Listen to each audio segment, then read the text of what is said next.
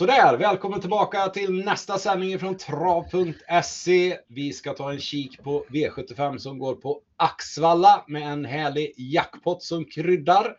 Och eh, med oss som gäst idag har vi faktiskt Axvallas sportchef Lars Ågren. Välkommen! Tack så mycket! Ja, vi tänkte vi skulle känna dig lite på pulsen här inför tävlingarna. Det är ju eran, vad ska man kalla det, eran extra V75-omgång som den här gången kom redan i slutet på januari. Ja, precis. Vi har ju som en av eh, två mellanbanor tror jag, eh, fyra V75-omgångar på Axvalla. Eh, och det här är vinter V75-omgången då. Sen har vi ju Storkamratshelgen såklart, två V75-dagar där, både lördag och söndag.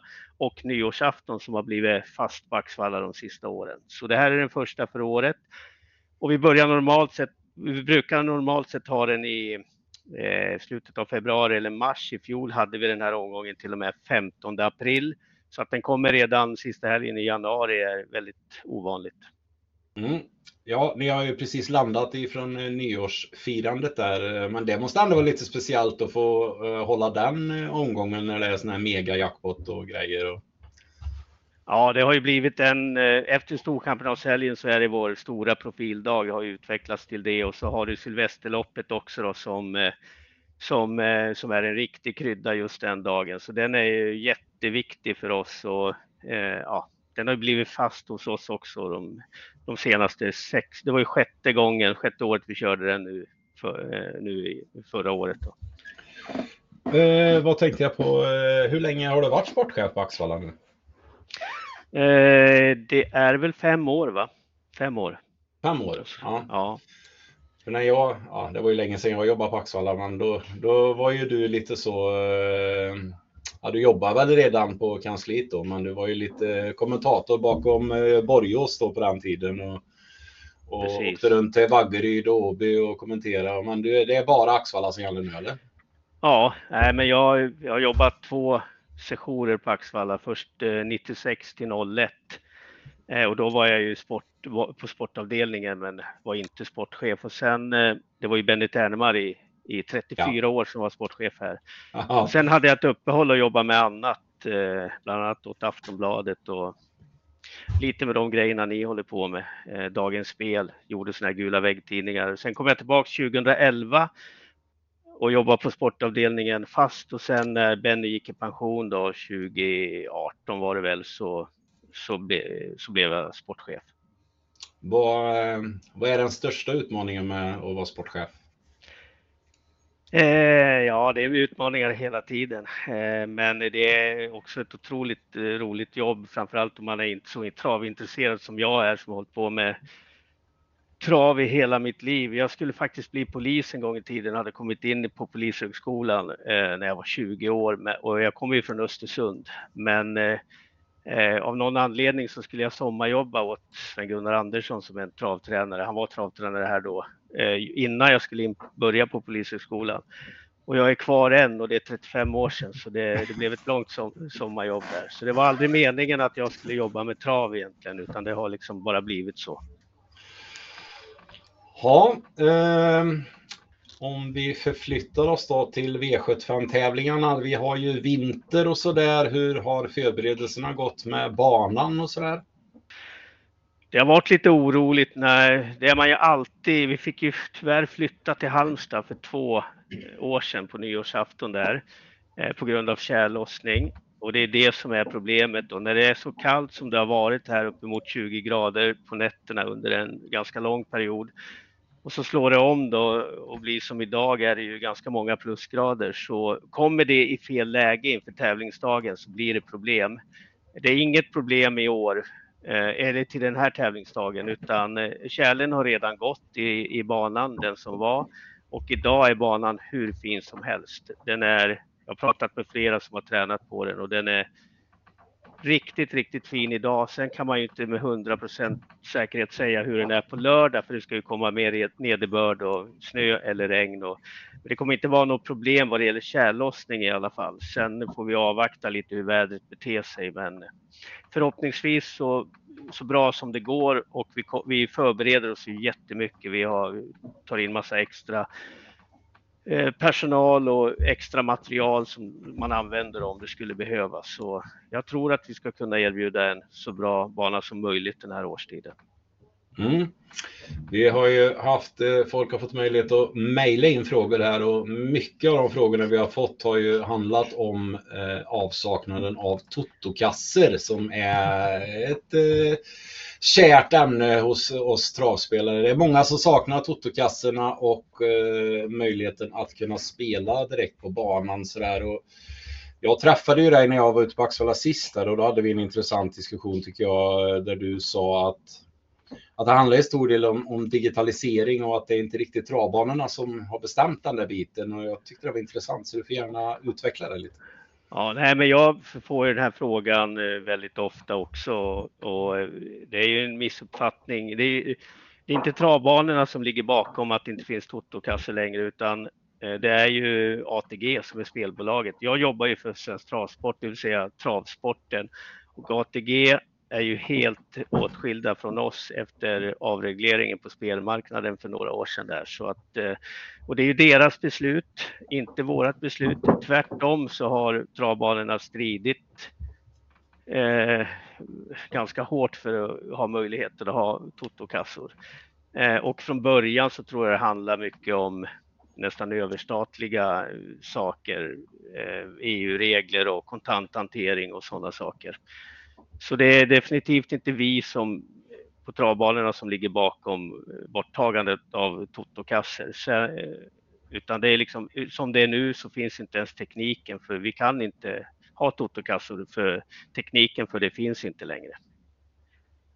Nej, precis. Det, det började väl med att alla spel skulle registreras och då vet jag inte riktigt hur Precis. man ska lösa det. Det skulle ju bli väldigt omständigt om man ska först lägga sig i kassan, sen lägga sitt spel och så ska den personen loggas ut och så, så vi, ja, det blir ju väldigt rörigt.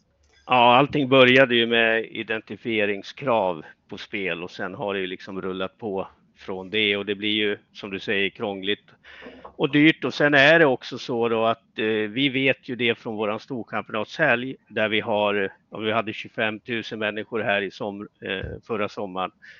Eh, då vi i, historiskt har tagit in massa extra totokassor och totopersonal och framförallt campingen eh, som är en stor del av den här helgen är det mycket extra totokassor och vi såg ju det. Det har ju varit en tendens länge det här att det spelas mindre och mindre i totokassan på banan och det var faktiskt inte så mycket spel. Många som är på travet spelar ändå i sina telefoner. Så, mm. eh, och den tendensen var ju tydlig och då tycker jag ATG helt enkelt att det blir alldeles för dyrt att ha totokassor gentemot vad det ger så att säga. Sen kan jag ju tycka då att man kan ha den servicen ändå för de som, som det är viktigt för och det verkar ju vara väldigt viktigt för många personer, det är helt uppenbart.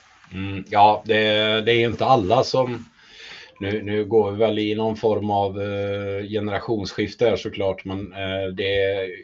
Vi var ju på Årgäng i somras och då pratade jag med ett gäng gubbar som satt på ett bord och den ena av dem, han, uh, han spelar inte alls längre för han kunde inte... Han hade ju en sån här smartphone, men han kunde ju inte, klara inte av att logga in och sätta in pengar och sånt där. Så han, men han var ändå på trav varje gång på Årgäng, men han kunde inte spela längre. Så Nej. att, ja, det finns ju de, men de är väl få och de eh, försvinner väl allt som oftast. Så är det. Eh, vad, ha, eh, är det något ni är nyfikna på grabbar eller? Ja, nej men det var väl det med kärlen som är en ja. stor fråga den här veckan när det blev så varmt. Men det var ju väldigt lugnande besked du hade att komma med där så att det var ju jättebra rapporter kring banan. Eh, er stora helg på sommaren då, eh, eh, blir det några nyheter i år under storchampionatshelgen eller blir det ungefär som vanligt? Eh, man, man, brukar säga att man ska inte eh, ändra på ett vinnande eh, koncept eller vinnande lag och vi gjorde en omstart till förra året faktiskt när vi gjorde om ganska mycket i arbetet inför den helgen och vi hade ju tappat ganska mycket första året efter pandemin. Under pandemin fick vi ju bara begränsa, första året i pandemin fick vi inte ens ha något folk här och andra året var det ju strikta begränsningar. Eh, och tredje, första året efter pandemin så dippade vi ju rätt rejält i antalet besökare så vi liksom försökte göra om hela konceptet med allt från egen hemsida, mycket lättare att boka, färdiga paket, mycket mer tillgängligt, satsade mer på artister och för det här är ju liksom så viktigt för Axvalla. Det är hela vårt själ, eh, våra, eh, vårt själ och hjärta liksom. Så, och, och så in, inte att förglömma, ni, och det hade ni även på nyår, ni har ju gratisbussar som ni lägger in så man liksom kommer till travbanan väldigt smidigt. Precis, det är en del av, av det som vi försöker jobba med och lyckades ju rycka publiksiffrorna igen då på ett väldigt positivt sätt förra året. Så vi ska väl liksom utgå från det och så förfina lite grann ja, i, i, i konceptet liksom och försöka göra det ännu bättre. Men, eh, men, men det, allra viktiga, mm. det allra viktigaste då, har du något bra tips för hur man smugglar in alkohol under Du, du har ju varit här så mycket så det har du nog bättre koll på än mig. Eh. Ja, vi, vi, får ta det via, bara, via campingen. Ja, ja, precis. Nej, men... På, eh, ha. på, på campingen får man ju ha, får man ju ha egen alkohol. Eh, men inte i, inom vårt utskänkningsområde så att säga. Nej. Det är ju strikta regler, alltså på ja. publikplatserna. Ja, det, fun det, funkar ju jättebra där med den slussen man går igenom bara mellan banan och campingen med, med armband då, va, så att säga. Så att det, det, ja. nej, det har väl funkat väldigt bra. Eh, ja. nej, det var väldigt lyckat i, i fjol, helt klart. Eh, ja. Det säger du bara för det gick bra. ja, det var väldigt nä nära att det gick bra. Men lite bra gick det va? Mm. Uh, ja, nej men vi, om vi tar en snabb kik på omgången då. Det är ju som sagt en fin jackpot att uh, fördela och uh, vi tänkte väl mest kolla lite läget på hemmastatus där och vad du har hört på stallbacken och sådär om kanske hemmahästarna. ja, jag har jobbat med så mycket annat med sporten så jag har väl inte hört så mycket men jag pratar med folk hela tiden så jag pratar faktiskt med det är väl någonting man kan ta med sig då med Anders Svanstedt här bara någon halvtimme innan eh, ni ringde upp mig eller nu då inför det här och eh, han har ju några hästar som startar och den som eh, är mest betrodd är väl Combat Fighter i sista där. Ja. Eh, och eh, ja, han är väl lite osäker själv på taktik. Att han tar ledning om han vill, vilket han nog vill, det är han rätt övertygad om. sen är det ju Sen klarar han distansen, men han är inte lika bra på den distansen i ledningen eh, som han är på kortare distanser. Eh, han är liksom inte kanske tuff nog då, men han vill inte släppa till vem som helst heller. Nej. Så det där är ju lite grann som man kan fundera på. Dessutom är han ju inkvalad till finalen här om någon vecka, så det ska man ju också ha med sig som spelare då, om man tittar lite på sådana saker liksom. Det kanske inte de vill ju ofta ge sina hästar en bra upplevelse i loppet innan, eh, innan, eh, innan en V75-final eller STL-final. Så har du pratat någonting med, med Krebas? Han har ju Brandsbys jukebox i samma lopp där. Han var ju ja. faktiskt ruskigt fin när han vann på Axvalla ja. senast. Ja, absolut. Och det är ju en, jag pratade faktiskt med han, jag tror det var igår. Jag pratar med han flera gånger i veckan och vi kanske inte ingående pratar om tips, nej, nej, men mer om andra saker i, verksamheten. Men eh, vi, vi pratar faktiskt om Bransfys Jukebox. Han tycker ju att det är, det är tufft. Det är mycket tuffare lopp nu, men skulle banan bli tung om nederbörden liksom och förutsättningarna, omständigheterna, då är han den som är mest gynnad. Desto tyngre bana, desto bättre för han. Så det, det, skulle ju kunna vara en jätteskräll om det blir tuffa förhållanden. Liksom. Det, absolut. Han är, han är bra hästen och framförallt som det blev senast när han var jättefin här på Axvalla, när han känner att han rår på dem mm. så blir han som en tiger. Mm. Eh. Ja, nej, han gick ju bara undan där. Jag blev nästan lite chockad faktiskt att han växlade ner dem så enkelt som han gjorde. Ja. Att... Eh, jag en annan sak ni kan ha med er om ni ska eh, pratar tipsen så jag pratade med Torbjörn Simberg, han har ju Ostrich i mm. första avdelningen. Gulddivisionen, ovanligt att den ligger som första men ja. så är det den här gången. Eh, och han är ju väldigt optimistisk. Eh, jag pratade också med han i ett annat ärende, men man kommer ju in på det. Sen visste jag att jag skulle vara med i den här podden också, så då kollar man ju mm. lite extra.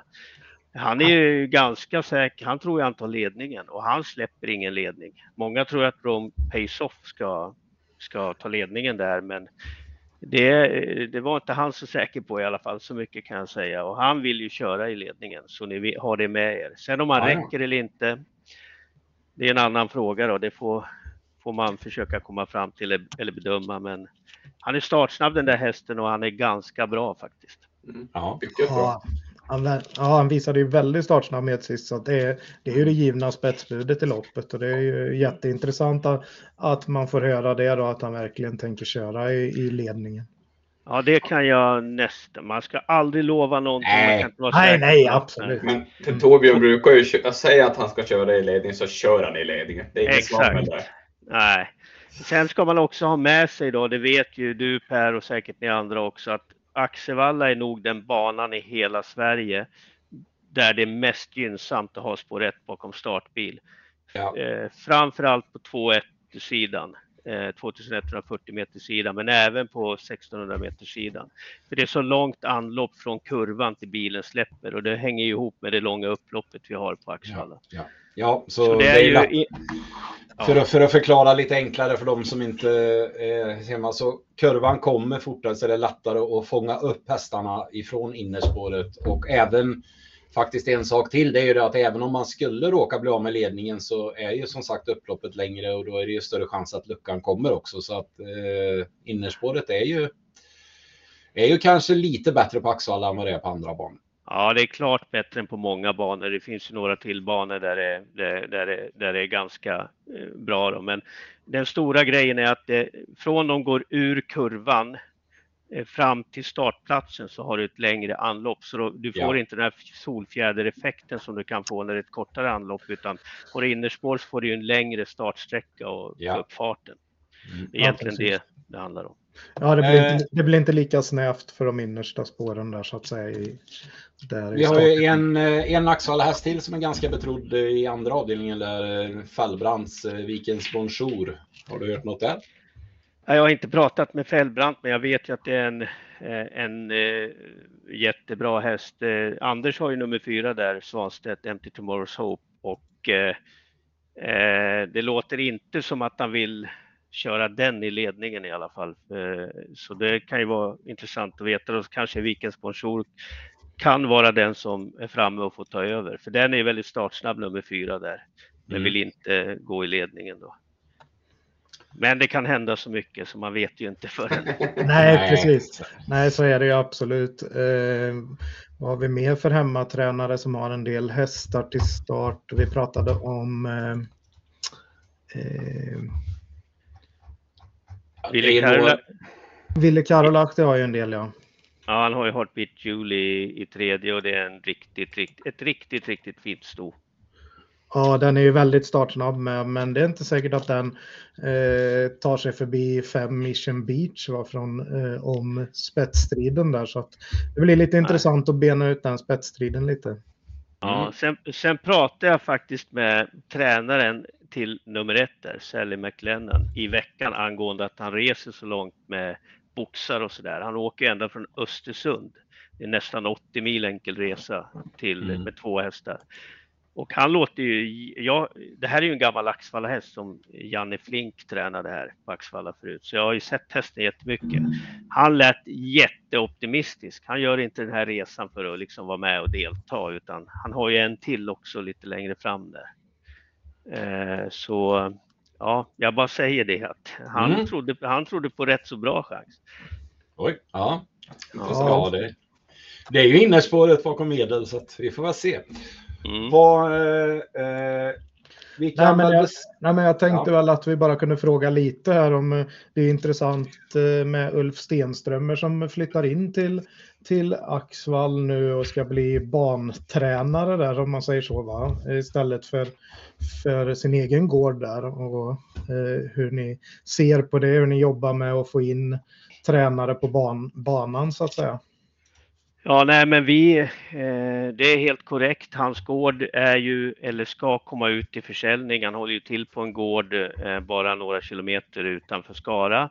Han började sin karriär här inne, det är exakt det är 20 eller 21 år sedan. 2003 tog han ut sin licens och då började han ju de första åren med ett stall här inne på, på banan och då han hade hästar som Johnny Walker Brew och Rado. Han hade fina framgångar här och eh, och nu har han till och från haft något stall här inne med unghästar och så, men inte den sista tiden. Och nu ska ju vi, eh, vi håller på och bygger här ute, du såg ju det Per, mm. eller Västra Götalandsregionen bygger skolverksamhet här, massa olika faciliteter, för vi har hästgymnasium här. De har tre stallar inne på stallbacken som är jättefräscha, väldigt nyrenoverade. Och när de flyttar ut till sitt nybyggda, det är två av de stallarna, det är tänkt att Uffe då ska, ska flytta in i och det är såklart, han är ju Ja, man får väl säga att efter Åke Svanstedt flyttade till USA så har han ju varit den ledande tränaren på, på, här på Axvalla. Så han är ju, han är ju jätteduktig på alla sätt och vis. Ja, vet du om han tänker att skära ner på verksamheten och ha färre hästar i träning nu eller är det oförändrat? Han har ju gjort en liten nedtrappning under ja. fjolåret vet, man, vet vi, eller under senaste två åren kanske kan man säga. Ja, precis. Eh, här inne i de två stallarna så kommer han ju vara begränsad. Eh, för det finns inte liksom andra stallar som är lediga just nu. Det är ganska fullt här inne på stallbacken.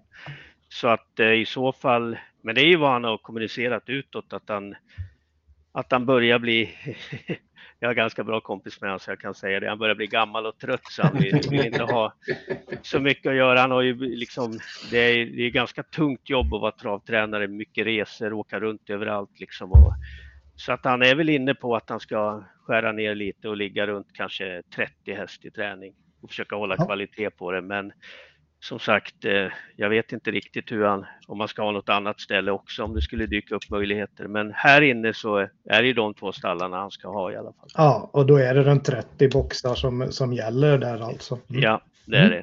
det i de mm. totalt. Och, eh, han har ju Utah Southwind till start som var väldigt fin sist. Eh, fått två lopp i hans regi där som, som är, kan vara lite intressant i V75 5 där. Men det är, det är ett jobbigt läge. Har han, har han nämnt något om den då? Du har pratat mycket med honom. Jag pratar faktiskt, men inte om det tyvärr. Jag skulle jag tänkt på det, det var via WhatsApp också. Vi ska spela paddel imorgon och det var ja. lite om, om, om, om, om de bitarna. Däremot pratade jag faktiskt med honom innan förra starten när han vann. Eh, det är en häst som inte har varit hos honom så länge. Och, eh, och då, låg han, eh, då låg han ganska högt inför den starten faktiskt. Så, eh, och då vann den ju också. Men jag har inte specifikt pratat med honom om den hästen inför det här loppet. Det har jag inte gjort. Men han, jag vet att han tycker det är en jättefin häst. Sen är det som du säger, läget är ju Ja, ja det, det men, då, men då är det nog eh, fortsatt toppform där den slog ju väldigt bra hästar där nere på Kalmar och kontrade, visade verkligen bra skalle så att nej, det är en kul häst till, till väldigt Absolut. låg procent där. Mm. Mm. Sen, sen, är det ju en stark favorit. Skulle, skulle snar, mm.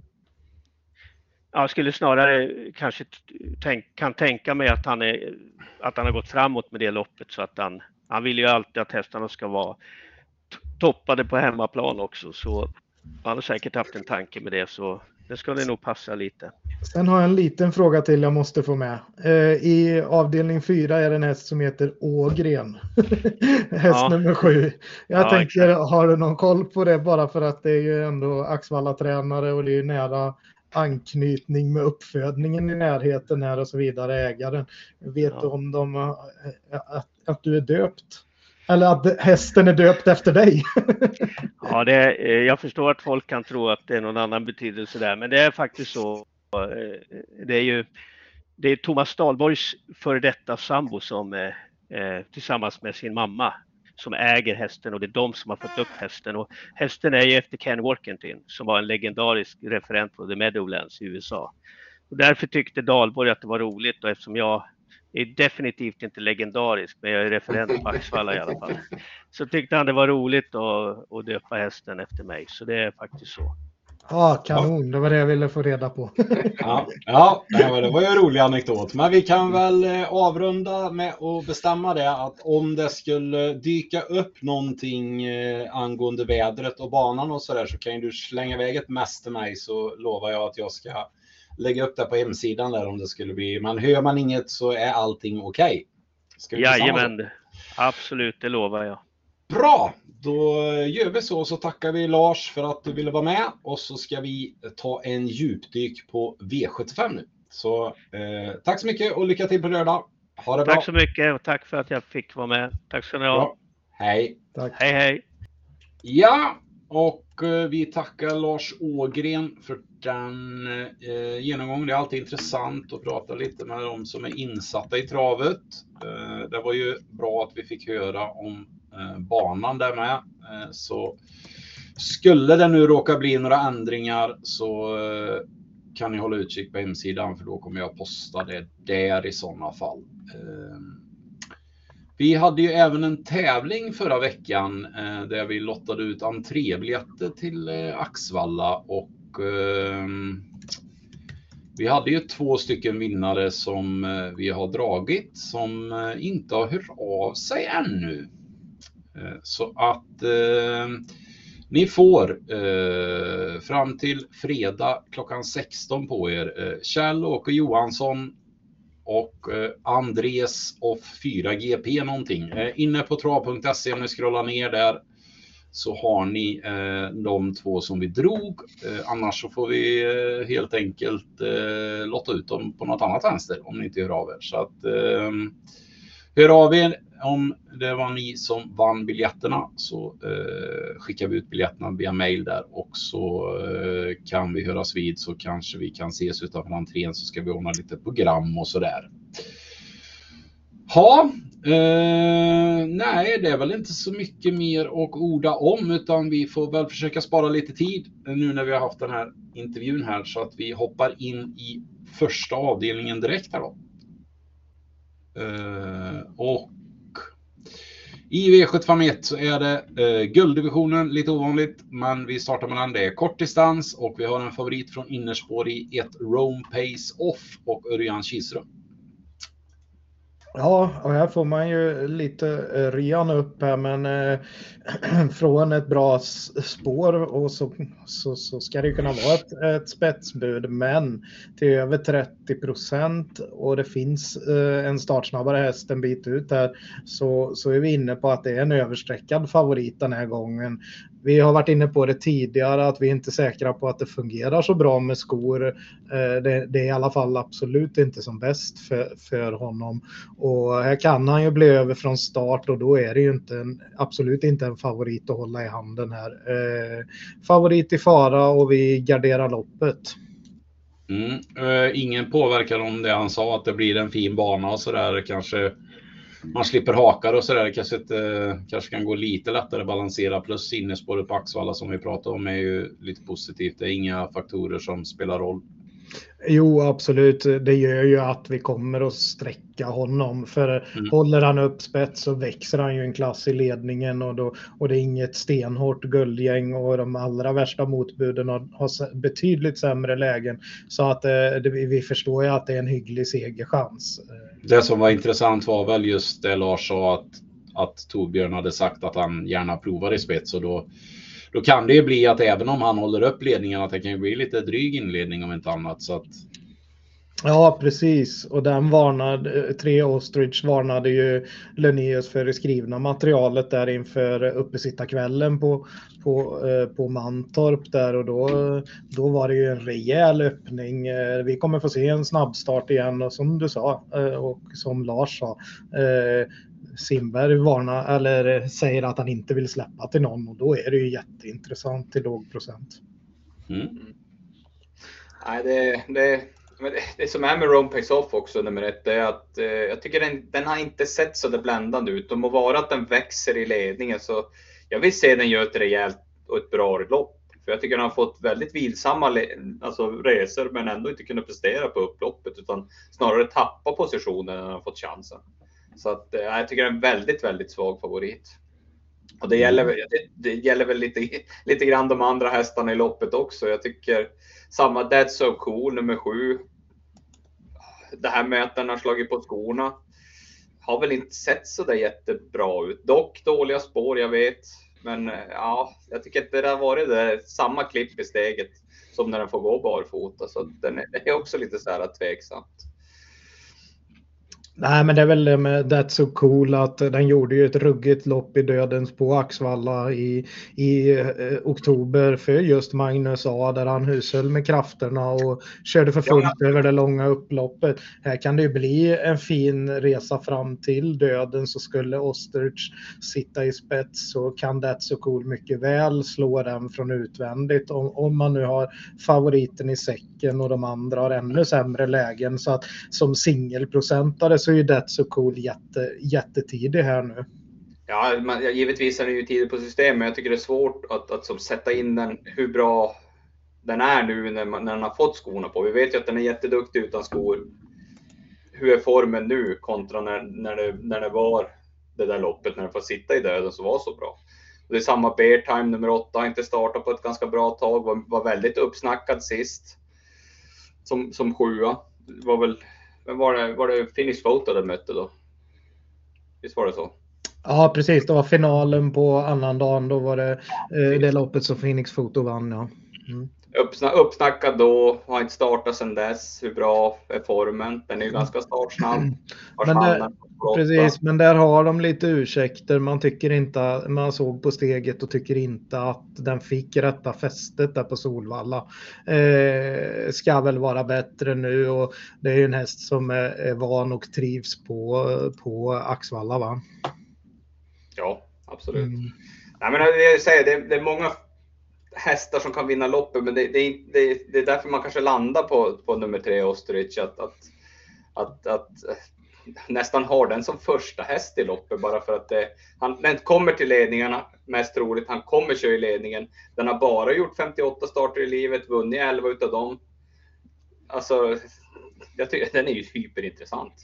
Ja, men ska vi prata om en som har hög kapacitet som med få starter och kommit upp i guld där så är det ju nio Eddie Bear, men det är ju inte direkt något drag eller fynd den här gången. Det är många som har den som första streck, 18 procent på tidiga systemen, men här är det ju väldigt intressant med att den har fått två lopp i kroppen. Det var först, det liksom, eh, och, och ja, det är väl lite ogynnsamt med bakspår för den bara för, med tanke på att den är rätt så startsnabb och det. Men eh, vi kommer ju ihåg när den var trea i, i vad heter det, eh, i, i derbyt. Va? Och då var han bara slagen av, av, eh, av Luleås Boko som gick i spets och Francesco Sett som kom upp utvändigt där. Så att, eh, hästar.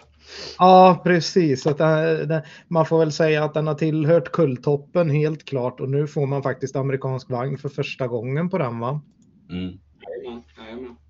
Jag tycker det är, det, är ett, det är ett ganska lurigt lopp att se ut första hästen.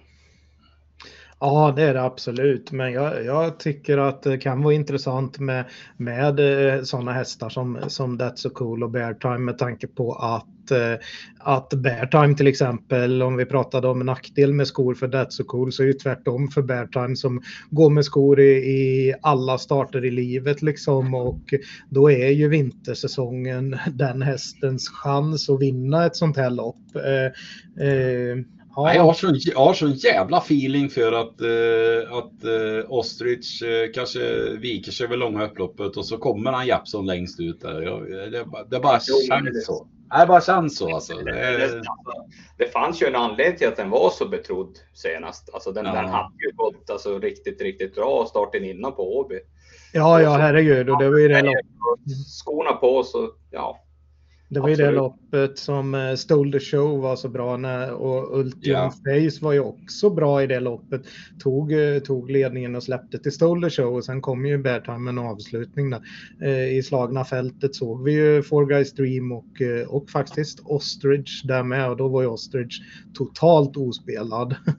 får mm. man väl säga. Mm. Ja, nej men eh, vi eh, löser första avdelningen helt enkelt på hästarna 1, 3, 7, 8, 9. Ja, ska vi nämna något jättesnabbt om sex Heart of Steel som vi har, hade förhoppningar på på Mantorp uppe sista kvällen. Den borde ju bara ha gått förbi om den ska få fullt betyg. Sen var den ju inte speciellt bra gången efter heller så att där är vi inne på att det är jätteminus med skor och den eh, och eh, ja, Detsamma eh, med fem Krakatoa, att vi funderar på om det kanske är lite formtapp nu. Den hade ju en väldig formtopp i början på december här och eh, och vad heter det, det är en 12-åring och som inte kan, eh, borde kunna öppna så bra mot de här. Eh, visst, den, den, kan öppna hyggligt och får säkert en ganska bra position, men eh, fundera på den. Den blev 12 år i år får man ju säga. Mm. Det, det, är inte ofta 12-åringar vinner guld. Mm. Ja, men det är, också, det, är det inte ett kraftigt, kraftigt distansminus? Jo, den ger debut över kortdistans i 124 starten. Ja, det var det vi snackade om med, alltså med ett stort minus med distansen för att den, den har inte den där speeden till slut där. Ja. Nej. Nej men bara för att nämna de två betrodda ja. också. Ja. 1, 3, 7, 8, 9 i alla fall uh, sträckar vi i första avdelningen och så hoppar vi till andra avdelningen och här har vi ett försök till diamantstort Eh, även här eh, uh, kortdistans och eh, vi har i favoritposition hemmahästen Vikens Bonjour och eh, Stefan Persson. Ja, precis. Och den var ju väldigt bra från bakspår på uppesittarkvällen igen. Det är många hästar som var ute den, den dagen på, på Mantorp eller på eh, nyårsafton här om vi kommer lite längre fram i omgången. Så att det, det är många hästar vi har fått se eh, på, på, på de här banorna nu på V75 i vinter här. Så att, eh, Vikens Bonjour vann ju då mot eh, mot hingstar och valacker i, i eh, ja, en vanlig klass 2, ett vanligt klass 2-försök då helt enkelt, är ju därmed eh, inkvalad till, till den finalen på, på vad heter det, ja, nästa vecka. Så att den kommer väl att starta vecka, vecka här får man väl anta.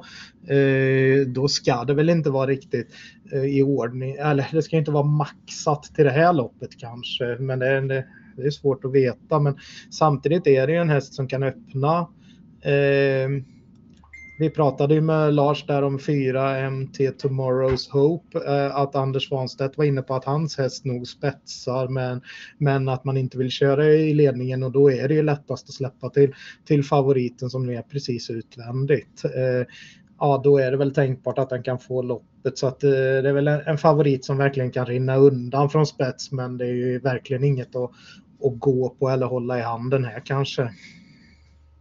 Mm. Nej, det är, ju, det är ju trots allt ett diamantstorförsök. Det, de brukar, det brukar kunna komma riktiga skrällar här. Mm. Ja, precis. Ja. Vi har ju en eh, intressant eh, som faktiskt börjar sträcka på 7% just nu som har gjort två eh, bra starter i rad. Det är ju nio Vicky Montoya. Mm, hon, jag lyckades ju ranka henne först där på Åby eh, i starten sist. Då var den bara 6 procent. Det, det måste ju ha varit någon form av skicklighet som ligger bakom. Nej, det var, det, var ju, det var starten innan som låg bakom att jag hade råkat se den när den, när den skrällde till, till 24 gånger där och det var det första gången amerikansk vagn. Där tände den till på ordentligt och det nämnde de inte ens då i, i segerintervjun. De bara oj, ja, men det var ju roligt att den har gått framåt så här mycket och, och är så bra nu liksom. Och så, så säger de inget om att det var ett sånt plus med den, med den vagnen. Och sen starten efter så går den ut och vinner. Då är den 6 Den stannar väl på 8 och, och 11 gånger pengarna när man trodde att den skulle bli favorit. Eh, nu är det klart, nu har han fått snabba pengar och går upp i klass, men man ville ha ett bakspår här för att man vill inte stressa upp den från start och så vidare. Så att eh, den här kommer, det här kommer att bita bra över det här långa upploppet. När den, när den växlar ner dem på, över upploppet på Åby två gånger i rad så, så, så kommer det här vara, ja, kattens pyjamas eller vad brukar man säga? att eh, det kommer passa jättebra. Kattens pyjamas, jag har aldrig hört talas om. att, att, någonting, att någonting passar som kattens pyjamas. Jag har aldrig, hört, aldrig, hört uttrycket. Aldrig hört. Kommentera det. Har ni hört det? Kattens pyjamas. Det har jag aldrig hört i hela mitt liv. Att, att något passar som kattens pyjamas. Nej, det, ja, ja. det, det är det något du har lurat på. Nej, det har jag nog drömt om. Ja. Vad för övrigt då? Eh, vad sa vi? Sex, Mona Moonlight. Jeppson, Precis. Törnqvist. Det, den har jag som intressant. Jag tycker det, det som alltid jag brukar säga, fin häst. Jag gillar Maria Törnqvist också. Jag tycker hon är en duktig tränare. Den här var riktigt, riktigt bra sist på Axvalla. När den körde Och- fram i döden så. Hon och Jeppson är väl lite som eh, giraffens pyjamas va? Ja. Har du Exakt. hört det? Nej, okej. I alla fall, nej, men jag tycker det, det, är en, det är en rejäl häst. Den är dessutom riktigt startsnabb, startsnabb så att det finns en liten värld där den kanske är före Vikens Bonjour och kan få överta ledningen om nu Svanstedt vill slä- släppa med nummer fyra. Mm. Så att, eh, ja, skulle den hitta tidigt till ledningen så tror jag den är väldigt, väldigt tidig. Så till 8 procent på en häst som har vunnit två i år och 6 på 20. Eh, Nej, jag, jag, måste googla det här nu. Katter. Pass, passar som kattens pyjamas. Eller, eller, eller, eller, eller, podden, eller, eller podden fastnar på kattens pyjamas. Nej men, nej, men vad vi mer kan säga om Mona Moonlight och, och är ju det som du sa att Maria Törnqvist är duktig. Hon har inlett året jättebra, vinner varannan start eh, i, i januari i princip. Jag tror hon har fyra, fyra på tio eller någonting sånt här. Så att, nej, supertopp eh, toppform på det stallet och så jättebra läge här. Eh, kan öppna ganska bra också va? Ja, nej, men det var väl det den var lite favorit på. Den var ju ute på V75 på Mantorp där. Uppe sitta kvällen. Jaså? ja. Allt, vi pratar alltid om uppesittarkvällen här. Nej, men då var Ja, nu. det var ju, eller jag var inte favorit, men jag var väldigt betrodd. Och det Mm. var ju mycket på att den var startsnabb och skulle ta ledningen. Men då råkade den ju rulla över i galopp. Att, Ja, eh, det var ju, då pratade vi om, om den en del också, men ni insåg väl att det var en ganska så tuff, eh, det var ju väldigt tufft. tufft lopp där. Mm. Jajamän. Vad har vi mer? Jag får inte fastna i det här kaninhålet nu. Det fanns ingenting om kattens pyjamas. Men, eh, Jaha. Eh, vi kan nämna sju Kelly Smartface som är, väldigt, som är hårt betrodd, men den var ju ännu mer, mer betrodd sist. Det var inte jättemycket eh, eh, det var inte jättemycket lättare emot den gången. Jag trodde inte den skulle vara så bra. Eh, den stod för en jätterejäl insats. Eh, då var den ju över 40 procent. Nu är den ju andrahandare här då. Den kan ju lägga iväg rätt så bra också. Har gjort två riktigt bra lopp i år då. Eh, vanlig vagn sist när det var voltstart. Nu blir det amerikansk vagn igen och ja, den kan väl duga en gång till här. Mm. Jajamän. Vi har även 3 hertz som drar lite streck, men eh, det är väl bara på tidiga antagligen. Den är väl inte så jättetidig. Jag tycker inte det. Jag har kollat lite på den och eh, visst, eh, den har några fina lopp som den har gjort, men den radar ju inte upp vinster. Kommer de från Danmark så vill Ja. man ju ändå att de ska, ska ha vunnit de där loppen på Skive och Odense, Ja. liksom inte att den ska komma med sådana andra platser och, och, och eh, nej, eh, vi hade något intressant på ett par andra hästar här. Eh, Marsha Griffiths eh, häst nummer två här. Eh, jag brukar inte hylla Ole Johan Östre som catchdriver direkt, men här är det ju faktiskt nästan så att det blir ett litet kuskplus ändå mot eh, Niklas Nilsson tidigare. Så att, eh, men vad som är intressant är att det är mycket ändringar, inte bara att det är ny kusk upp. Eh, och den har, det, det är ju också att man får bike första gången. Det lyser ju knallrött, men det är även första gången med rycktussar. Dessutom så är man ju inne på att, eh, att den här är gynnad av att slippa brodd och när vi pratar om att banan kanske kan bli väldigt fin så, så den kommer att gå med någon form av sommarskor med någon greppsula under eh, om det funkar. Och eh, även om den står väldigt hårt inne på pengarna här så tycker jag verkligen att på alla de ändringarna att det är lite intressant som en superskräll om, den, om man kan hitta ryggledaren eller någonting här. Mm. Eh, vad har vi pratat om mer då? Det var ju Maria Törnqvist andra häst, 12 Gelato Pellini är väl lite bortlottad, men där kommer den ju med toppform och det är ju en av hennes hästar som har, eh, vad heter det, redan hunnit vinna i år. Eh, gått väldigt bra i biken nu på vintern med, med, med den kombinationen bike och skor. Då. Men lite mer andra platser så att det blir nog svårt från sport 12. Man, man, man, kan ju säga det att vi, vi har ju löst det här loppet på, på lite streck, men, men ska man känna sig säker så då, då är det bara att ta fram målarpenseln och börja sträcka i hästar. Mm. Ja, det är klart. Anders Svanstedts eh, från ryggledaren är väl också tänkbar i sådana fall. Ja, om man nu tror att, så att... Jag menar, det är ju garanterat ryggledaren som, som det låter på försnacket och då, då, då det är ju mm. verkligen ett, ett, bra läge att vinna. Ja. Men, men jag gillar inte resultatraden på den. Eh, 19 starter, en seger, fem andra platser. Mm. Vi, eh, vi hoppar det och säger att det intressanta skrällen är två Marcia Griffiths med ändringarna där och eh, låser loppet på 5, 6, 7, 9 till att börja med då, så får vi se hur det blir framåt lördag. Och så hoppar vi till tredje avdelningen då och eh, då har vi ett diamantsto-försök igen. Eh, den här gången över medeldistans och och ja, vi fick ju lite intressant information här på ett Sally McLean. Eh, men eh, efter strykningen här av 11 Southern Boko så har nummer 7 Heartbeat Julie eh, seglat upp och blivit ganska stor favorit.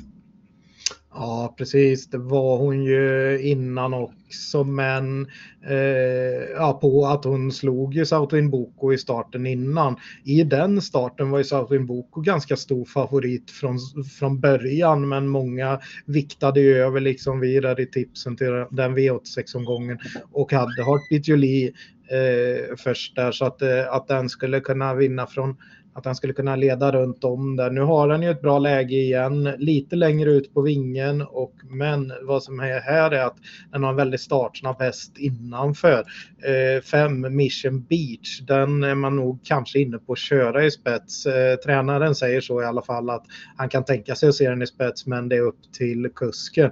Och den försvarade sig väldigt bra på Bergsåker i ledningen mot, eh, mot hingstar och valacker först då, va? och sen var det eh, ett snabb, snabb av snabbt avslutande Alexi Quick som kom till slut.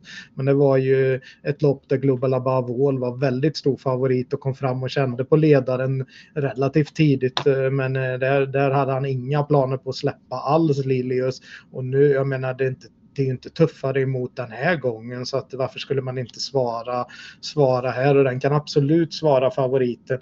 Det kan öppna upp lopp loppet. Men det kan också bli så att Mission Beach kan, kan leda loppet eh, runt om faktiskt. Mm. Min första häst här var ju 10 Mose Eagle som jag tyckte kunde vara en tänkbar chansspik i det här loppet om man inte gillar om nu Artbeat Julie får svar och hamnar kanske lite punchigt på det. Så um, den här har gjort en start nu för Henriksen och vann ju direkt. Uh, vann ju tyska derbyt, storderbyt. Uh, ja, precis. Det pratade vi om en hel del då när han kom på besök till Åby 30 ja. där. Uh, jätteintressant. Mm. Carrot Skalde vann den gången där. Uh, nej men uh, ja, uh, jag tycker den gör en intressant start här faktiskt och jag tycker loppet är det är ganska öppet och det är ju Rosemary Tile med som drar streck och den sågar vi ju den här gången.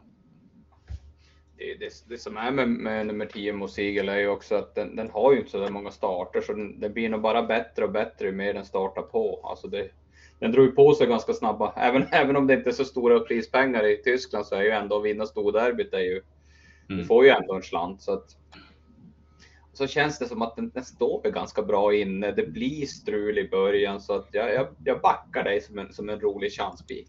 Mm, ja, jag, jag håller med om att den är väldigt, väldigt intressant och faktiskt tid och jag markerar den som första streck också. Men jag bara fick, fick en känsla på att Mission Beach kanske kan gå i spets och när den bara är 4% på tidiga.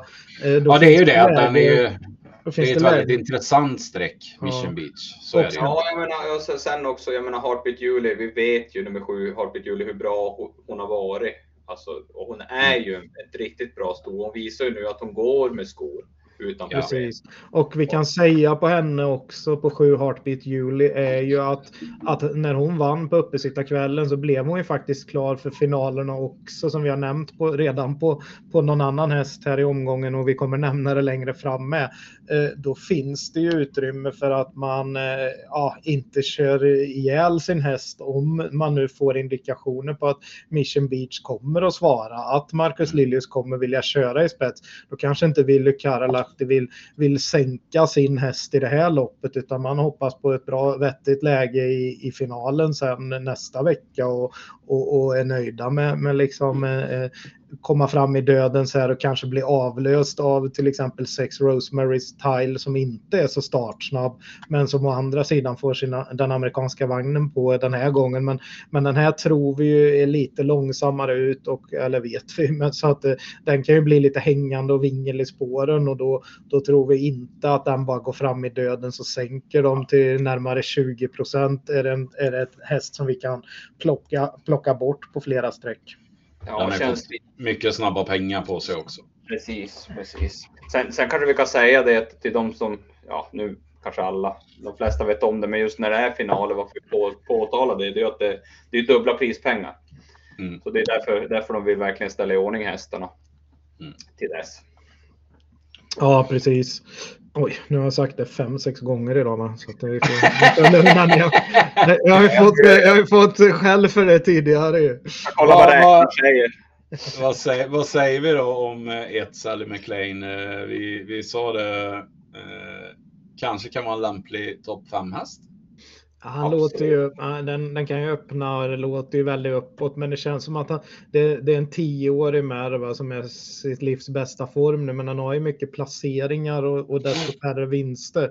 Vi ja. tror att det är den andra hästen han kommer med till omgången som är, är den han har bäst chans med. Eh, ja. Mm. Men det är ändå... Ja.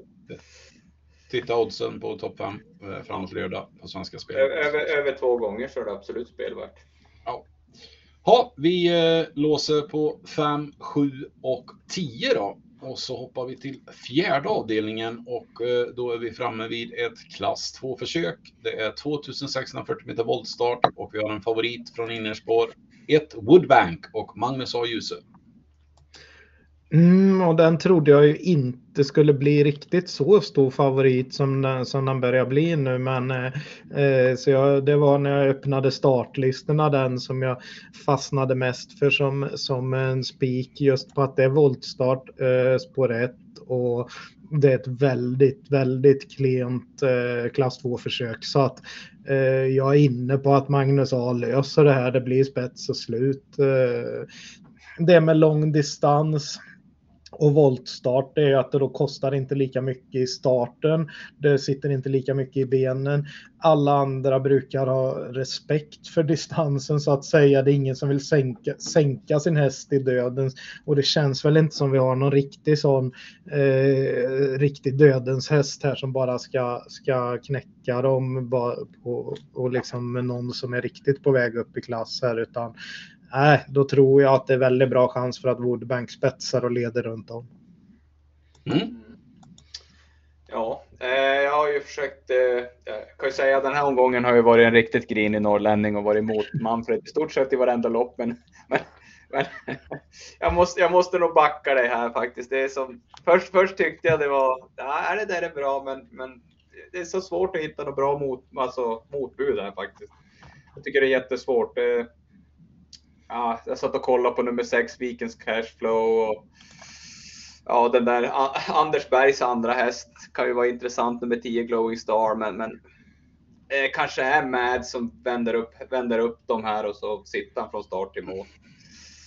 Ja, vad vi kan säga om Vikens Cashflow är nog att den, är, han kan nog få iväg den bättre från, ett sånt, från bästa springspåret än, än den kan öppna bakom bil. Eh, André Eklund för övrigt har ju väldigt, väldigt bra statistik med voltstart. Eh, men när den hade spår 6 eh, eh, vad ska vi se, med voltstart 30 11 där så eh, var han ju på väg nästan mot spets men kastade sig i galopp där eh, i, när, i laddningen i sidledsförflyttningen neråt där va. Så att eh, Mm, det, inte, det, finns viss galopprisk. Han har galopp efter det också i eh, voltstart bakom hästar där spår 8. Så att det finns viss galopprisk men eh, jag tycker Vikens Cashflow till 3% om man ska gardera loppet är jätteintressant. Det, det, är en häst som skulle kunna gå fram i, i ta dödens här och kanske bli avlöst av fyra Sabani till exempel efter en bit. Eh, Eh, fyra Sabani har ju på fyra i volten så där tycker jag väl det blir lite överstreckat. Den har ju vunnit ett par lopp i rad här nu och står ändå ganska hårt inne i klassen. Eh,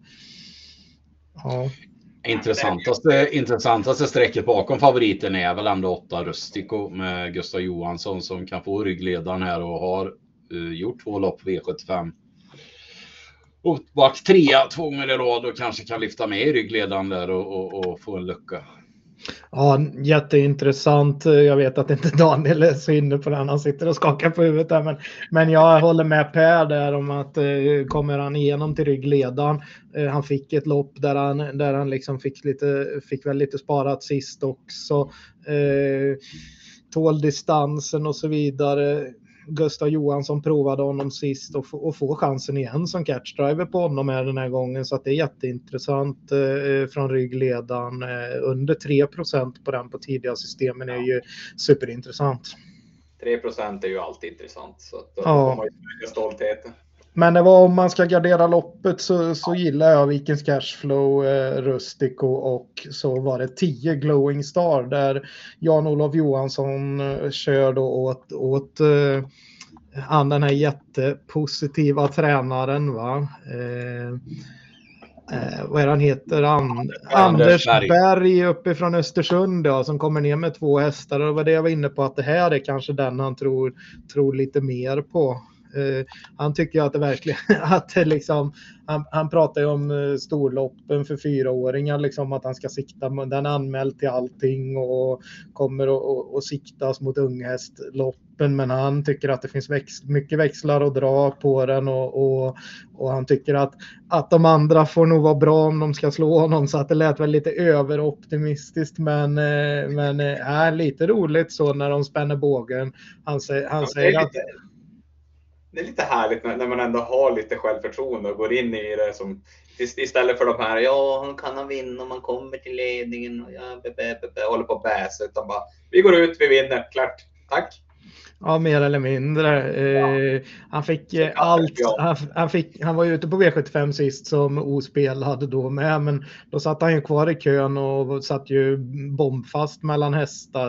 Eh, var inte alls trött då. Nu tror han ju att han ska få en, en, en stor fördel av att, att plocka ur brodden ur skorna. Va? Och eh, han, han är inne på att den här ska kunna 13,5-14 över distansen eh, redan. Men ja, ja det, det, det, låter, det låter det. Jag tror, ja. jag tror nog att Magnus A kommer hålla nere tempot lite så att vi kommer nog inte få se en så snabb sluttid ens. Eh, då blir det svårt att plocka längder från kön även om det är ett långt upplopp. Men det är kul att de är optimistiska och det kan ju börja för en offensiv styrning. Ja, vi har ju även, eh, vi har även nummer nio, Öna Spartacus, som kanske ska ja, lämnas om man vill gardera den. Har gjort ett par bra lopp. Och senast här nu så... så eh, ja, det, det var den. Jag körde på Ja, nej, senast här så hade man, eh, testade man rycktussar för första gången, men de behövde man inte använda, så den växeln är sparad. Eh, stor häst som gynnas av distansen och eh, garderar man så tycker jag att den ska med på lappen. Ja, absolut. För det är ju som sagt Maria Törnqvists formstall och det är en av hästarna hon, har, hon redan har, eh, har äh, fått vinna lopp med i år. Äh, jag tycker kanske att 11 procent är lite i överkant, men äh, ja, vid lite bredare gardering så för spår 9 i voltstarten är ofta lite, lite överskatt underskattat. Däremot ett spår som jag tycker är underskattat i voltstart är spår 2. Det är klart att det, det kan vara lite snävt för stora hästar att vända runt men Axvall har bra, bra plats att vända runt på. Den här har provats hos lite, hos lite eh, proffstränare tidigare men få, har nu fått chansen hos eh, mindre, mindre tränare. Va? Och och eh, en B-tränare och nu har, har han hittat lite form på slutet och när Johan Untersteiner har fått köra den igen, han har tränat hästen tidigare och vunnit, vunnit och, och placerats bra med den tidigare i karriären. Eh, står jättebra inne på pengarna och allting. Så två Mayhem Mary kan vara, eh, kan vara intressant på fin form här från ett bra läge. Mm. Eh, men som sagt, eh, vi spikar ett Woodbank eh, med Magnus Ajuse och hoppar till femte avdelningen då. Och då har vi ett klass 1-försök och då är det 2140 meter autostart. Även här har vi eh, favorit från innerspår, nummer 1, Cassius Clay DE, som eh, var bra sist när han plockade ner dem från dödens. Eh, knappt men säkert. Mm, det var på eh, den där nyårsafton där, eh, där vi var inne lite på Eh, tidiga tipsen att eh, Konrads Palle bara skulle kunna vinna från, från ledningen. För vi, vi var väl lite inne på att man kanske kan tänka sig att backa lite med Cassius Clay om man, och, från, det, från åttonde spår bakom bilen. Men när vi sen fick indikationer på att man skulle köra, köra framåt med Cassius Clay och, och hade offensivt i tankarna redan i den starten så eh, viktade jag över och hade lås på 6-8 på de flesta systemen jag spelade. Eh, Cassius Clay D hade Jens Linné som omgångens bästa spik den omgången också och eh, hade eh, ytterligare bekant som hade den spik och satte sjuan där på, på den, den dagen. Så att ja, nej, den var riktigt rejäl och vann ju lätt det loppet. Nu, nu var det en spårtrappa. Eh, och fick, hade väldigt bra, bra ja, stod bra inne i loppet så att det var de två som stack ut. Nu är det väl ett lite jämnare lopp. Med, mm. det, med det sagt så tycker jag ändå att det är en jättebra chans här och jag tror att man kan öppna ganska fort. Mm. Vi var väl inte riktigt lika övertygade jag och Daniel. Det var väl mer att eh, vi tyckte att 61 procent var lite väl högt. Men eh, det är klart, skulle han gå tillbaka lite på procenten så håller jag med. För skulle han lyckas hålla spets eller ta sig ut och jag tror inte att han håller spets, men det är ju om han kan hitta ut så tidigt så han kan köra till då. Um...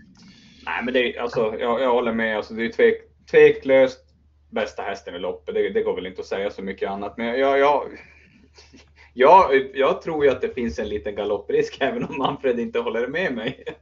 Nej, det, finns, det, det finns alltid galopprisk från innerspår ja. bakom bil och den, det är just från det läget. Den har galopperat en gång, men den har inte. Det är bara det enda gången och det var på en helt annan bana. Det var Mantorp där de släpper precis ut ur svängen.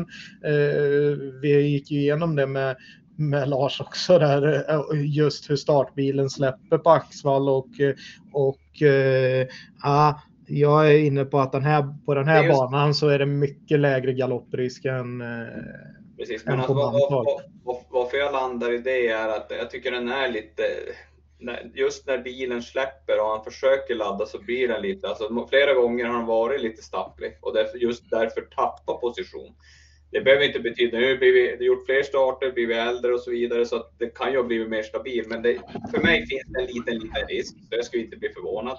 Plus att jag, då måste, alltså det, nu krävs det att den ska ta sig ut för att den ska vinna loppet. Tar den sig mm. ut så vinner den loppet, men det finns en liten, liten risk att bli fastlåst. Jo, Ja, men därför det, tycker jag att 61 procent var lite i överkant kanske då, men samtidigt eh, det är en svår omgång och det är svårt att hitta singelsträck så att eh, ja. Sen, sen, sa ju Lars att, att det var bland de bästa spårätten. Mm. Ja, ja det, är ju, det är ju Axvall, eh, Bergsåker och eh, Bollnäs kanske som är de tre bästa, som har de tre bästa innerspåren på statistiken. Så att eh, eh, givet och inte bara det att man kan öppna bra, det var som Per nämnde också när vi pratade om det, att, att det är ju det att det är långt upplopp så, så kan man ju få luckor också på ett annat sätt.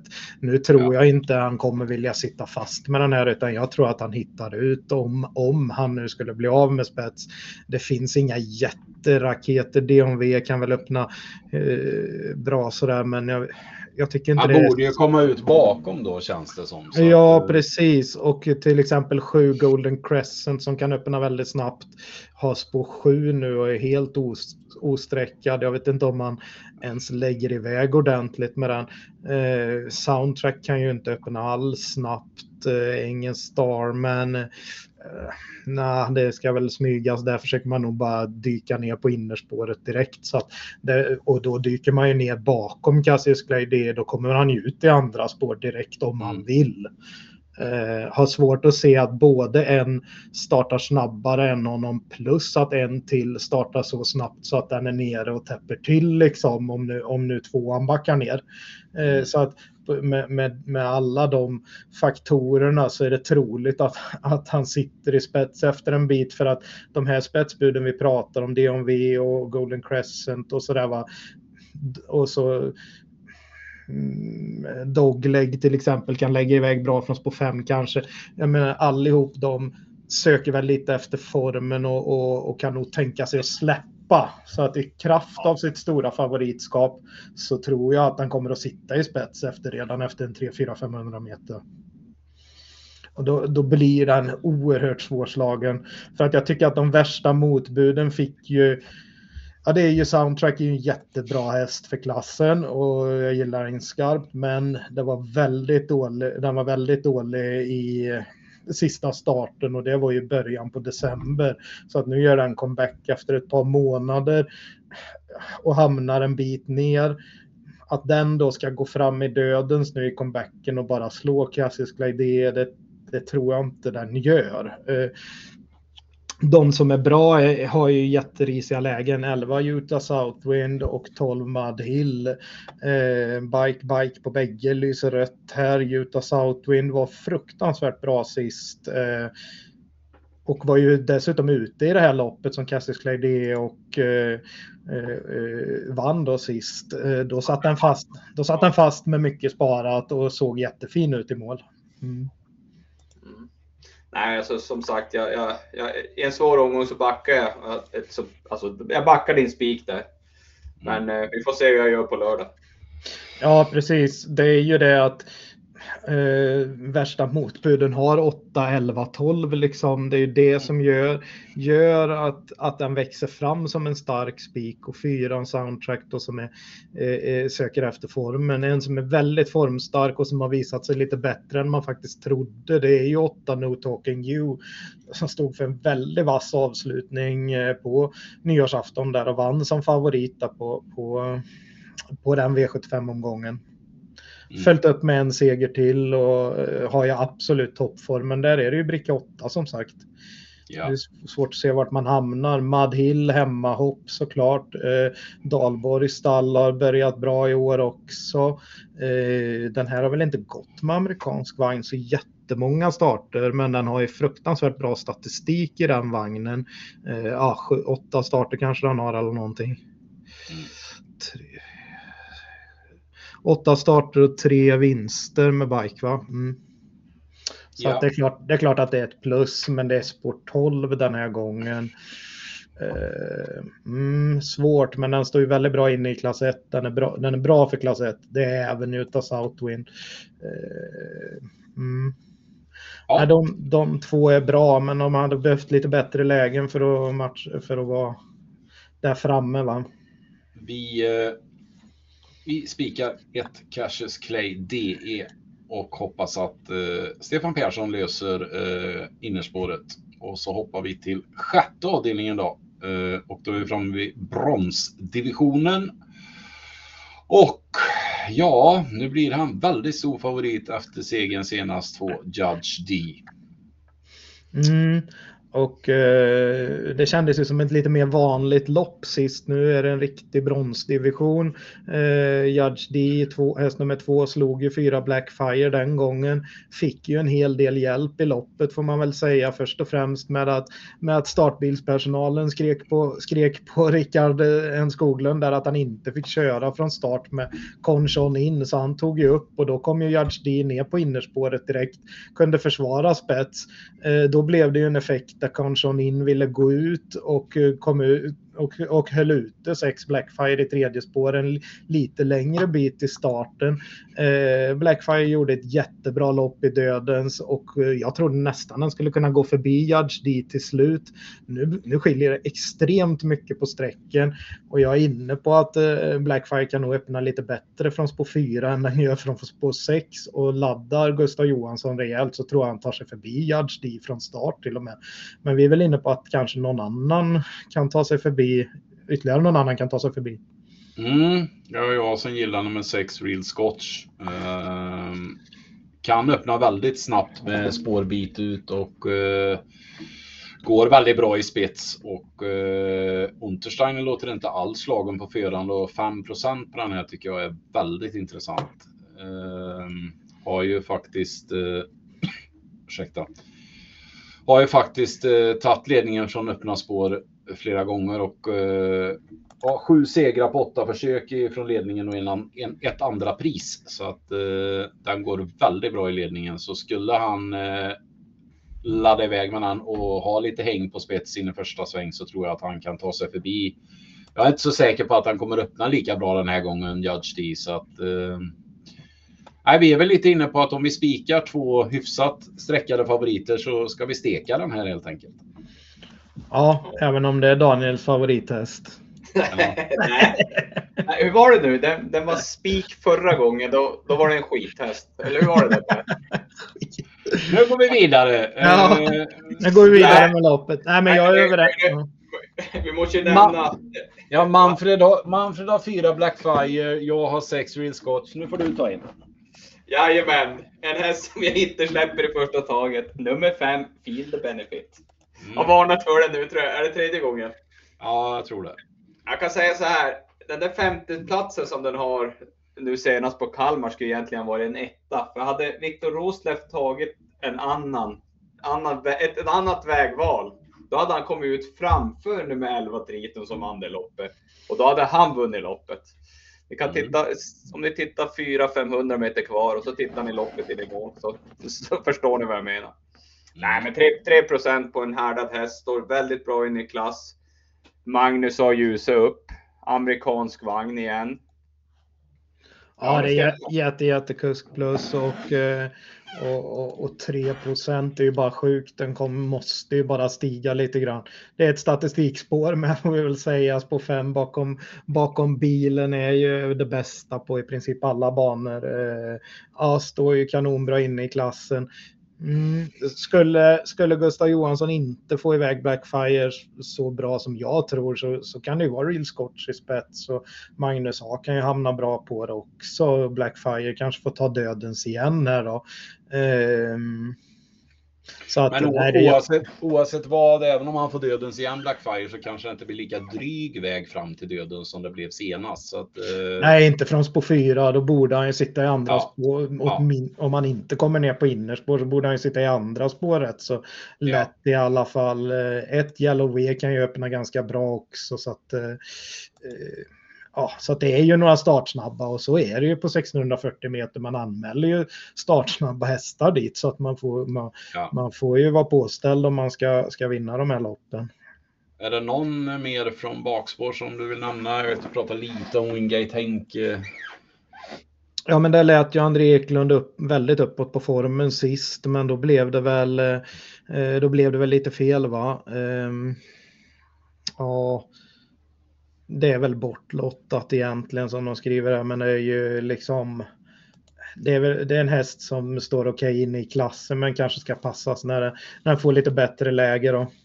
Ja. Höjer han sig inte lite mer med, alltså när han får rycka skorna? Alltså... Mm. Jo, det får man nog, det får man nog tro va. Ja, nej men det är ett intressant lås på 4, 6 och steka favoriten här. Mm. Uh, har vi en uh, eh, 20-procentare och uh, en 3-procentare och en 5-procentare. Så att eh, så får det bli inledningsvis. 4, 5, 6. Mm. Och så har vi då en avdelning kvar och det är silverdivisionen över 2640 meter autostart och här har vi hyfsat jämnt mellan ett par hästar, men knapp favorit just nu i alla fall, nummer 5 Bottnas Idol. Ja, det är väl på att distansen är passande. Den här, den här försöker man ju matcha på 2640 meter mest hela tiden. Sen har det blivit lite för tufft när det har varit eh, 3000 meter. Då är, den, då är det inte riktigt eh, visst. Även om den har vunnit på den distansen med så är det nog 2640 som är, som är det optimala för den här hästen som, som eh, jag tycker håller rätt så, så bra klass. Eh, nu, har man, eh, nu, nu är det ett tag sedan den startade, men den vann senaste lopp loppet och så vidare. Så att, eh, och, och då vann han från dödens. Eh, eh, den brukar vara tränarkörd. Man får Kanecke upp som faktiskt, även om vi har kritiserat honom lite tidigare, så har han kört allt mer under, under hela förra året och, och faktiskt gör allt färre misstag får man väl säga. Toppspår och grejer. Det som är grejen med att den, den blir favorit och, och är tänkbar tidig häst där är ju att Sex Combat Fighter är klar för final nästa vecka och man kanske, och man signalerar lite redan in i tidiga snacket att man kan tänka sig att släppa spets med, med, med Combat Fighter över 2640 meter och då, då, då blir det ju en sån häst som Bottnas Idol som kanske kan komma fram och ta över. Mm. Ja, det, Ja, det är lurigt det här loppet faktiskt. Ja, jag, är, alltså, jag, är inte ja. jätteförtjust i Bottnas Idol, men eh, för mig är detta... Jag tycker det är jättesvårt. Alltså. Jag kommer nog vilja ha väldigt många streck här. Eh, ja, men alltså för, för ja, det är nog inte fel. Det är nog inte fel för det, det är väldigt många färska hästar i silverdivisionen när vi ser att många ligger runt, runt miljonen så att eh, ja, Mm. Eh, ja, det är också, jag menar, de här, många av de betrodda är ju också, det, det, är inte direkt så att de är distansgynnade. De har inte, Nej. De över långa distanser. Nej, det är väl Bottnas Idol då, men det, men det, det är det vi baserar lite i att att, eh, att Combat Fighter, att Anders Svanstedt borde läsa på loppet och kanske inte vill släppa till tre King of Greenwood som är ganska startsnabb också, men, men som kanske är först framme.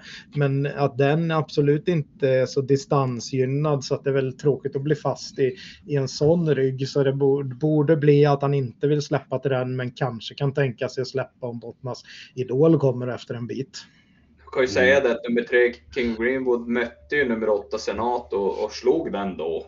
Den mm. Senat, nummer åtta Senato var jättefavorit, men, men det, var, det, var, det, det slog ju inte gnistor om hästarna i det loppet direkt. Så att eh, bara, bara, att den lyckades vinna då över lång distans tycker inte jag säger så mycket, utan det, det, den känns distansminnad, äh, vet ni, distansmissgynnad här faktiskt. Ja. Då blir det iskallt.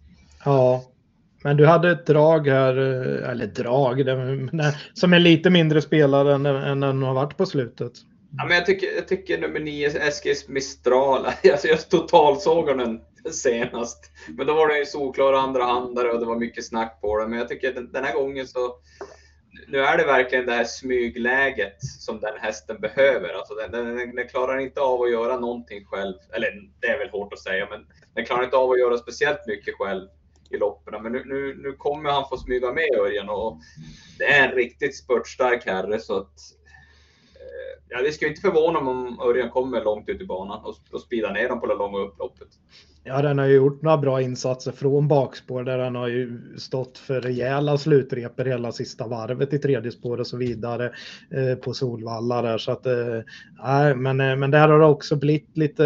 Det blev väl lite snabba pengar med bra placeringar här i början på vintern eh, så att den är precis över klassgränsen och. Eh, 11 procent. Det ligger som det gränsfall. Ja, ne neutralt spelvärde runt 10 procent. Ja. Mm. Men vad vi kan säga är ju på, på de få hästarna som står bra inne i loppet och då är det ju ett Olga Utka som förmodligen blir över från start. Men skulle hon hitta ut så visar hon ju att hon hela tiden kommer med de här eh, starka insatserna gång efter annan och har haft form nu i ett och ett halvt år. Ja.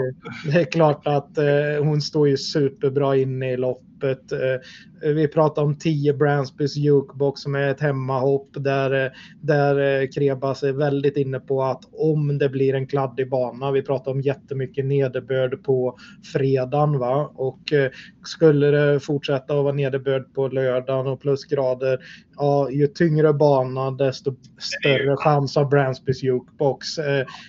Det är lite roligt på distansen och 2% Ja, men det är det. det. Det här är ju en sån här som gillar fyra varv, alltså 4000 meter och bara hålla på och kubba på. Och som du säger, det blir den där blytunga, superkladdiga banan, då, då sitter Krevos och torkar visiret först över mållinjen kanske. Ja, precis. Och speciellt då om de här hästarna blir heta lite där framme, ja. King of Greenwood eller Combat Fighter. Eh, att Combat Fighter drar på lite och, och, och, och så vidare. Det, det, finns ju risk att det blir lite tryck på loppet. Eh, mm. Ja, jag vill slå ett litet slag i alla fall för 11 Grappa Boy. Jag vet att ni inte är så eh, riktigt, men jag tycker han gjorde comeback senast och var bra som trea. Och och har faktiskt fyra segrar på åtta starter över den här distansen. Och eh, det är bike nu för tredje gången. Och, nej, jag vet inte. Jag, jag, nej, jag vet inte. Nu har de dragit tillbaka det ser jag. För det är inte bike längre, men det var bike förut. Men, ja, ja. ja, det var... Uh, svänger snabbt. I, ja, skitsamma. Jag, jag, tycker den, eh, jag tycker den gjorde en bra insats senast och, och jag ger mig att jag är lite inne på att jag tycker att det är lite ovisst lite hur det kommer köras där framme. Det skulle kunna bli så att Comet Fighter tar ledningen och släpper till en sån som King of Greenwood som sen, som sen stendör på upploppet och då kan det komma vem som helst längst ut där. Så att eh, jag tycker att eh, 11 Grappa Boy är lite intressant. Faktiskt. Ja, vad vi kan säga där är att eh, det är rött på amerikansk vagn i intervjuerna, tidiga intervjuerna på, på ronden. Så att det kan vara, det kan vara att, att, han har, att han har sagt att det ska bli bike till dem ja. kanske. Så de ja. har klickat i det, men det är inte anmält så än. Så vi får väl hålla lite utkik på det. Eh, plus, plus om, de, eh, om de gör en sån grej och, och skickar mm. på bike på slutet. Eh, vi trodde ju att den inte skulle vara så gynnad av att gå med skor, att det var eh, därför den nästan inte har startat i vinter och att man börjar starta igång nu för att ge den ett par lopp i kroppen. Men den var bra. Den var mm. bra sist så att eh, äh, ska, sträcker man på lite så är jättemånga intressanta i det här loppet. Mm. Det känns väl som att Kristoffer Eriksson också, att, att han, han, han hade väl ganska taskigt år förra året, men det börjar bli lite bättre. Han börjar synas lite mer med sina hästar, att de ja. börjar få lite, lite, lite mer ordning. Men som sagt, vi bygger ju ett lite mindre system här nu eh, så här några dagar innan. Så att, eh, men det är ju våra tankar i alla fall då att eh, det för mig så är detta ett garderingslopp där jag vill gå lite bredare. Eh, även ja. om eh, Manfred har valt att ha ett spallopp just så här. Ja, det är tänkbart att jag garderar med fler. Vi kan bara nämna två startsnabba till där framme. Två Game Broad eh, har ju mycket startpoäng och det är ju för den där tredjeplatsen i, i, i ett Breeders Crown, en Breeders Crown-final. Eh, och eh, Eh, fyra Stensson som vann med bike sist på kort distans. Nu är det, nu är det bara 2 där. Och det intressanta där är att man får ett, en kuskändring helt enkelt. Urberg är jätteduktig men det är alltid ro, roligt när man byter. När, någon, när, det, när det är samma som har kört jättemånga gånger och man får en annan eh, körsvän upp så, så kan, det, kan ju hästarna tända till. Och den här har ju eh, reagerat bra på sådana här stängda huvudlag och, och, och amerikansk vagn tidigare. Så att, mm. Mm. Vi sammanfattar. Eh, då blir det som följer. Avdelning 1 hästarna 1, 3, 7, 8, 9. Avdelning 2 hästarna 5, 6, 7, 9. Avdelning 3 hästarna 5, 7, 10. Avdelning 4 eh, spik då eh, på eh, nummer 1 Woodbank och eh, avdelning 5 då eh, spik på nummer 1 Cashes Clay DE. Och sjätte avdelningen då låser vi på hästarna 4, 5, 6 och steker favoriten 2 Judge D. Och i sista avdelningen då sparlöp på nummer 5 och nummer 6. Eh, och då landar vi på 180 kronor bara. Så att, eh, ett litet system inledningsvis. Och ni hittar andelarna som vanligt inne på trav.se under fliken andelsspel. Eh, där även Danne kommer lägga upp sitt system. Eh, och ehm, Ja, eh, vi eh, önskar alla lycka till med spelet på lördag och hoppas ni får in lite jackpot-miljoner. Så hörs vi till nästa vecka när det är finaler på Solvalla. Så ha det bra och lycka till. Tumme upp!